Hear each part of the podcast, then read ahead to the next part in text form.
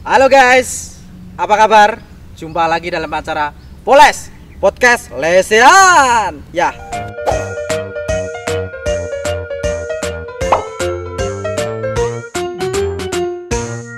Kali ini sangat menarik sekali kita uh, berkunjung di SMA Negeri 3 Seragen. Alhamdulillah langsung disambut nih oleh kepala sekolah langsung oleh Bapak Soekarno. Matur suwun Pak Karno kehadirannya. Sama-sama atas kehadirannya di SMA Negeri 3 sekolahnya para juara. Siap, sekolahnya para juara. Oke. Dan juga hari ini juga gini uh, kita didampingi oleh para juara juga nih pengurus OSIS ini ya. Pengurus OSIS dari siapa nih? Dari mulai dari sana siapa, Dek? Eh, perkenalkan nama saya Putri Regita Ramadhani. Oke. Saya biasa dipanggil Putri dari kelas 11 MIPA 3. Oke, Pak Putri. Terus? Perkenalkan nama saya eh, Ardian Alif Mustafa dari kelas 12 IPS 4. Oke. Terus? Perkenalkan nama saya Radia Bramta Sandia Yuda dari kelas 12 MIPA 2. Oke, Mas Raditya. Oke. Eh apa kabar nih Pak Soekarno? Alhamdulillah pokoknya prinsipnya di sini senang, di sana senang, di mana-mana senang. Alhamdulillah, Iya, iya. Pak Karno ini adalah salah satu kepala sekolah yang sangat saya kagumi sekali karena beliau ini adalah selain gaul juga ngehit dan visioner teman-teman semuanya. Lah ini makanya SMA 3 Seragen ini pasti nanti akan dipegang oleh Pak Karno jadi visioner dan wow ya. Amin. Juaranya banyak gitu ya. Iya. Oke. Pak Karno, satu lagi nih Pak Karno. Eh, di era pandemik ini gimana nih dalam menghadapi era Covid ini sekolah untuk eh, proses pembelajarannya seperti itu gimana Pak Karno? Ya tentunya karena kondisi Covid ini kan tidak pernah dibayangkan oleh semua orang. Iya, iya, setuju. Akhirnya kan itu juga secara mendadak orang harus mensikapi adaptasi. Nah, Ah. kalau untuk masalah pembelajaran kita kan eh, ada aturan yang sudah ada ketentuan dari Dinas Pendidikan Provinsi Jawa Tengah tentunya. Ya sesuai dengan surat eh, edaran gubernur, nota dinas dari Kepala Pendidikan eh, Dinas Pendidikan dan Kebudayaan Jawa Tengah, tentunya kan kita harus melaksanakan pembelajaran jarak jauh atau sering disebut daring atau sering disebut belajar dari rumah BDR tapi intinya memang tidak bisa sesempurna kalau tatap muka Iya. tetapi kami sudah mengajak para guru meskipun pembelajaran tidak bisa secara langsung tetapi rohnya mendidik harus tetap dijalankan Oke. sehingga eh, cara ngatasinya kami tentunya kan harus ada pola-pola pembelajaran eh, secara tatap muka meskipun waktunya hanya eh, tidak terlalu lama tetapi me- mekanisme interaksi dengan anak-anak itu kan bisa dijalin dengan baik. Ya, oke. Berarti eranya saat ini adalah PJJ pembelajaran Iya. jauh tapi tidak tidak menutup kemungkinan untuk bisa hadir tapi dengan protokol kesehatan Iya. yang sudah sangat ketat sekali gitu Pak Kanor ya. Oke, eh, kalau ke ini calon-calon juara ini eh, generasi emas 2045 Pak ini Pak. Ya.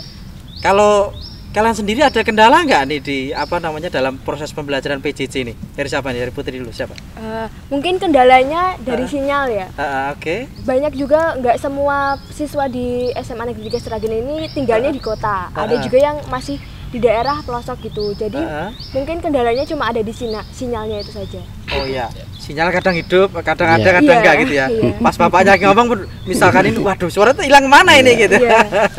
Oke, ini menjadi salah satu juga. Mungkin ada kendalanya nih nggak?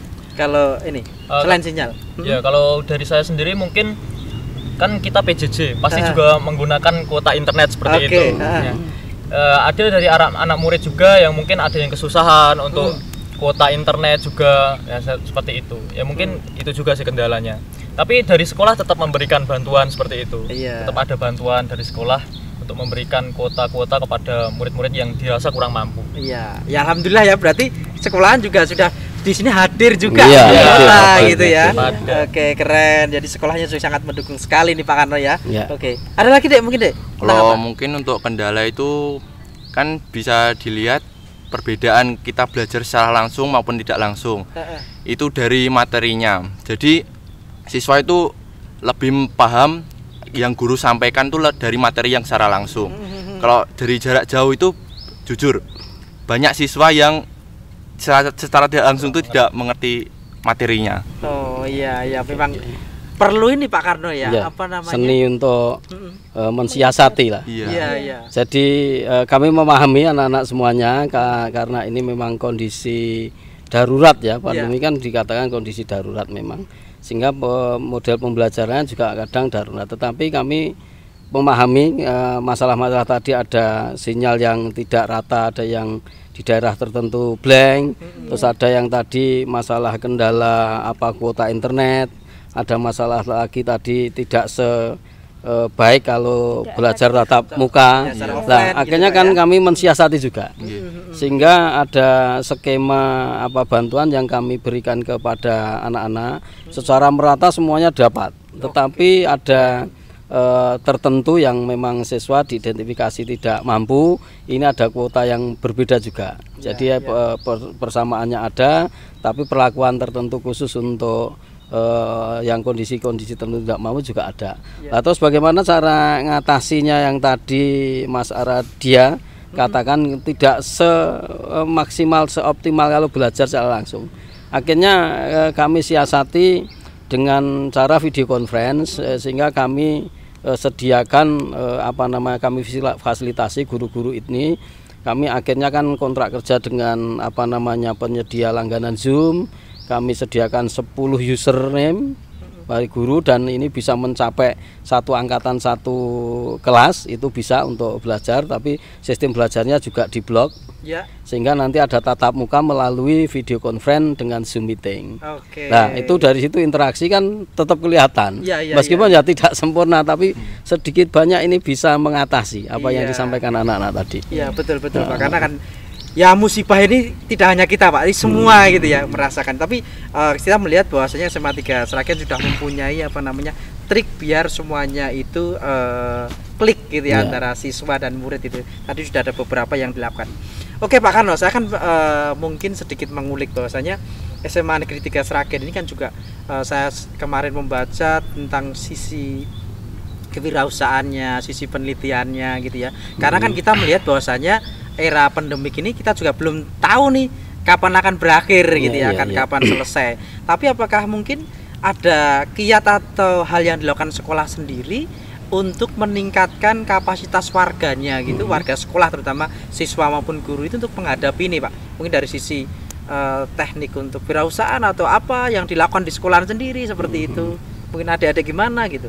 Gimana itu Pak Karno? Ya, terima kasih. Jadi gini, eh, kami beranggapan bahwa eh, rohnya sebuah lembaga pendidikan itu eh, maju atau tidak dilihat dari visi misinya. Ya. Lah visi SMA 3 ketika kami masuk ini kami menyesuaikan dengan kondisi real perubahan zaman di era revolusi industri 4.0 Ya. tantangan terbesarnya bagi anak-anak ke depan itu kan eh, bisa menyelesaikan masalah sebelum masalahnya muncul Ya. dan juga bisa menciptakan pekerjaan sebelum dibutuhkan pekerjaan itu.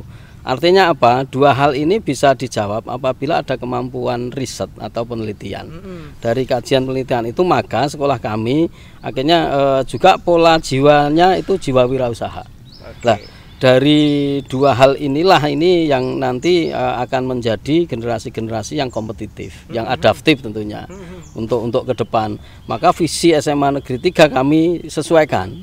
Visinya yaitu mewujudkan sekolah berkualitas, berbasis penelitian dan kewirausahaan. Wah, keren. Nah, Ya. Terus juga membentuk insan eh, juara. Nah, juara ini adalah karakter, karakter yang ingin dicapai oleh eh, apa namanya eh, outcome-nya dari SMA 3. Juara itu adalah jujur, unggul, aktif, responsif dan adaptif. Oke. Nah, itu iya, karakter itu kalau saja eh, beber kan panjang memang, tapi substansinya luar biasa. Misalkan jujur setiap perkataan dan perbuatan. Aktif berbuat baik dan beribadah. Terusan eh, apa tadi responsif ke- memiliki kepekaan terhadap lingkungan sekitar. Itu penting. Betul. Terus ada juga eh, apa adaptif. Itu adalah memiliki penyesuaian diri setiap ada perubahan. Lah, karakter juara ini yang akan kami eh, apa sampaikan eh, ke eh, calon-calon eh, apa namanya output dan outcome-nya dari SMA, lulusan SMA Negeri 3. Nah, insya Allah kalau ini nanti dan juga tambahan lagi berwawasan lingkungan. Oh iya. Jadi kalau umum secara anu total itu visinya adalah mewujudkan sekolah berkualitas, berbasis penelitian kewirausahaan, membentuk insan juara berwawasan lingkungan. Jadi semuanya kena. Iya, Tetapi iya, tetap sampai kapan pun perubahan zaman karena ini ada penelitian dan kewirausahaan tetap bisa. Lah itu kami wujudkan di mana eh, di setiap eh, rencana program pembelajaran RPP dan juga di silabus di Bapak dan Ibu guru itu kami eh, kami rubah, kami rubah. Jadi ada ada penguatan di penelitian dan kewirausahaannya yang melekat pada proses pembelajaran nanti metodenya juga nanti penugasannya. Ya memang tidak bisa dirasakan langsung nanti hasilnya. Kita tunggu beberapa generasi ke depan. betul betul perlu proses juga Ya, gitu ya berproses, pak ya nah. betul betul hal mungkin tapi juga untuk eh, tadi yang berwawasan kewirausahaan juara tadi juga harus eh, ada karakter yang baik gitu ya, Ya, itu harus dikembangkan juga ya pak ya, Ya, seperti ya, itu ya. kalau untuk pengembangan karakter sendiri gimana pak Ya oke untuk pengembangan karakter kalau kita lihat ka- tadi kan membentuk insan juara ya. iya hmm, Setelah kami eh, bisa apa namanya eh, bekerja sama dengan Solo Bersimponi tentunya sekolah di Pangastuti. Setelah saya lihat saya kaji penanaman 8 eh, karakter atau hasta laku itu matching Iya. di SMA 3 lah. Ini saya senang. Iya, saya iya. senang ada sebuah lembaga yang memikirkan karakter. Justru outcome-nya ke depan anak-anak ini bukan hanya sekedar sampai output eh, yang dikultuskan hanya ukuran kuantitatif nilai, tetapi justru ke arah karakter. Ya mudah-mudahan lah nanti eh, harapan kami untuk penanaman nilai-nilai karakter termasuk karakter juara dan hasta lakunya matching. ya Nah, ini yang kita harapkan. Iya iya Ya, betul. ya. Jadi juara tadi juga kalau kita ada pesannya adalah eh, apa namanya? Jadi jujur, aktif, adaptif gitu ya. Ya, Ada juga ya. ada asta laku yang nilai-nilainya ada gotong royong, guyup Ada, rukun, iya, harus nilai-nilai iya. itu harus saling kalau Iya. di matching kan sangat oke Sangat, ya ya. sangat cocok, Oke. sangat cocok. Oke Pak. Eh, tapi juga ini Pak ya, mungkin apa dari SMA 3 ini contoh-contoh hal yang kemarin kewirausahaan katanya juga lomba juga ikut sampai nasional juga Ya, ya, Pak ya, ya. ya. Sudah jadi juara juga ya. Ya. Hmm, termasuk adik-adik ini juga sudah ngikutin juga pastinya ya. jadi ini jadi salah satu hal yang paling po- poin positif juga untuk ke depannya gitu ya pak ya. Gitu. Oke pak, eh, kalau tadi pak untuk saya pengen eh, bertanya nih untuk respon dari ini adik-adik ini. Tadi kan menciptakan juara nih eh, dari sekolah sudah mengupayakan berbagai hal gitu ya, menciptakan itu visi misinya tadi Iya. dengan itu. Kira-kira menurut kalian tanggapan kalian bagaimana ya untuk hal seperti itu? Contohnya hal yang mungkin kalian lakukan atau mulai dari saat ini dilakukan gitu. Ya. Mm-mm. Kalau dari saya sendiri ya, Heeh.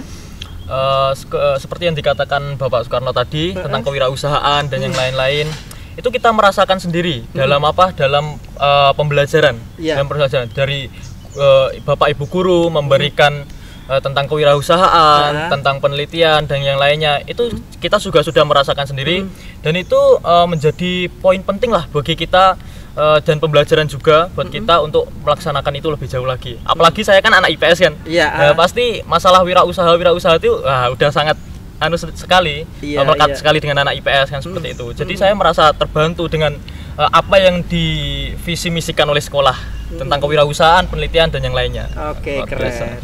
Keren sekali Pak Ya. Soekarno. Ternyata adik-adik juga sangat apa namanya? eh, apa eh, memahami dan langsung meladani itu untuk bisa reaksi gitu ya. Mungkin juga bisa melakukan kegiatan praktek-praktek atau ini ya se- sejak dini gitu ya. Iya. Oke, eh, apa namanya? Ini Pak Karno. eh, kira-kira untuk eh, apa? Saya pengen pesan nih pesan pada adik-adik yang saat ini kan untuk siswa-siswa yang eh, kan kita juga era PJJ ini pembelajaran jauh ini kira-kira mungkin pesan yang bisa disampaikan atau eh, biar terus tetap aktif, tetap apa namanya adanya apa namanya jarak jauh ini bisa istilahnya eh, kita eh, ini juga ya mengikuti karena kan kita harus mau nggak mau memang keadaan seperti ini nih Iya. ya itu mungkin ada pesan Pak Karno untuk siswa SMA Negeri 3 Iya. Seragen atau siswa seluruh nanti yang mendengarkan podcast ini Iya, iya. Hmm, Terima kasih. Jadi gini, kondisi ini kan eh, harus dihadapi, iya tidak boleh dihindari karena kondisinya sudah real nyata. Eh, sehingga eh, pesan saya, anak-anak yang penting roh pendidikannya itu jangan ditinggalkan, harus bergerak aktif, tetapi ingat bahwa protokol kesehatan harus juga dilakukan secara ketat. Artinya eh, jangan melakukan hal-hal yang tidak bermanfaat untuk keluar rumah dan sebagainya.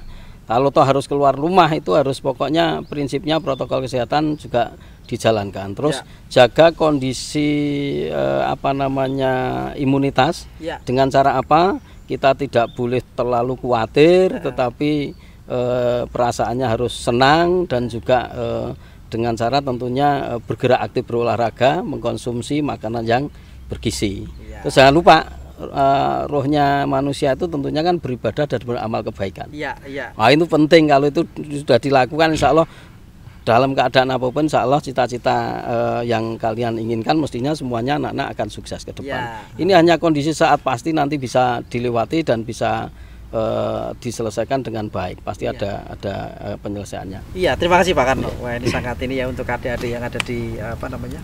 di seluruh siswa gitu. Terus kalau ini dari adik-adik dari ini calon juara pengurus OSIS ini untuk teman-teman kalian, apa ada hal yang ingin disampaikan nih? Yuk. Eh, kalau dari saya sendiri yang terutama ya harus tetap semangat belajar karena Nah. bagaimanapun juga dalam situasi apa pun yang yang bisa kita lakukan hanya cuma cuma belajar dan belajar. Karena kalau bukan siapa kalau bukan kita yang belajar kita kan penerus bangsa nih. Kalau kita nggak belajar nanti yang mau melanjutkan negara ini di masa mendatang tuh siapa kalau bukan Oke, kita keren. nah eh, selain belajar juga kita juga tentunya harus beribadah dan selalu menjaga kesehatan mulai dari memakai masker, mencuci tangan dan juga makan makanan yang sehat. Oke, makasih Putri, keren. Terus ya, Ya, saya sebagai siswa jujur ya kewajiban pertama kita ya sebagai siswa yaitu belajar. Jadi pandemi ini bukan berarti kita meninggalkan pelajaran pelajaran kita sebagai siswa. Ya pandemi ini mengajarkan kita bagaimana cara kita untuk produktif, belajar dan memahami situasi sekitar. Terus hmm, dan yang paling pertama itu yaitu kesehatan. Jadi yang jangan lupa pakai masker, menaati protokol kesehatan serta makan makanan yang bergizi dan sehat. ya. Nah, itu oke. saja. Perlu kalian tahu juga ya guys ya, tadi kita ke sini sudah tes semuanya nih kita ditembak des, gitu ya. Terus kita eh, apa namanya eh, membuka masker karena memang ini kita sudah Insya Allah sehat semua gitu ya. Oke. Terus pesan terakhir deh, kalau kamu sendiri? Eh, kalau dari saya sendiri ya mungkin kesadaran yang paling utama. Kenapa? Eh. Karena kita itu adalah murid ya. Kita tidak boleh yang namanya eh, seperti yang dijelaskan teman-teman tadi tidak boleh meninggalkan pelajaran. Kan ada banyak tuh Iya. siswa-siswa yang memanfaatkan pandemi ini malah untuk eh, bersukaria Iya. kayak oh, gitu. ya, oke oke. mereka bahkan lupa Nongkrong gitu kan? nongkrong. Nah.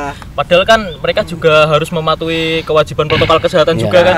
Heeh. Malah kadang ada yang seperti itu. Jadi ya kita harus sadar aja, jangan sampai kita lupa dengan seperti itu. Ya. Kita tetap harus eh, belajar dengan rajin, tekun agar tujuan kita ke depannya tercapai. Iya, oke. Hai ya guys, sangat keren sekali dan sangat apa namanya eh, pengennya sih terus tapi tapi nantikan selanjutnya pasti ada podcast episode kedua dengan SMA Negeri 3 Sragen ya dengan adik-adik dari OSIS dan juga dengan kepala sekolah dan guru gitu ya. Saya ucapkan terima kasih Bapak Karno Ya, sama-sama. sudah memberikan waktu ke kita untuk sedikit memberikan apa namanya eh, ngobrol ya dengan podcast dan juga adik-adik pengurus OSIS. Pastinya bahwasanya untuk menjadi seorang juara kalian harus bisa eh, yang namanya adalah berkarakter ya kan berkarakter dan juga di era pandemi ini kalian harus bisa menyesuaikan belajar secara, secara baik dan jangan menyia-nyiakan waktu kalian untuk di rumah tetap belajar tetap semangat jaga kesehatan Oke guys, kembali lagi nanti di episode selanjutnya di Poles Podcast Lesean. See you guys.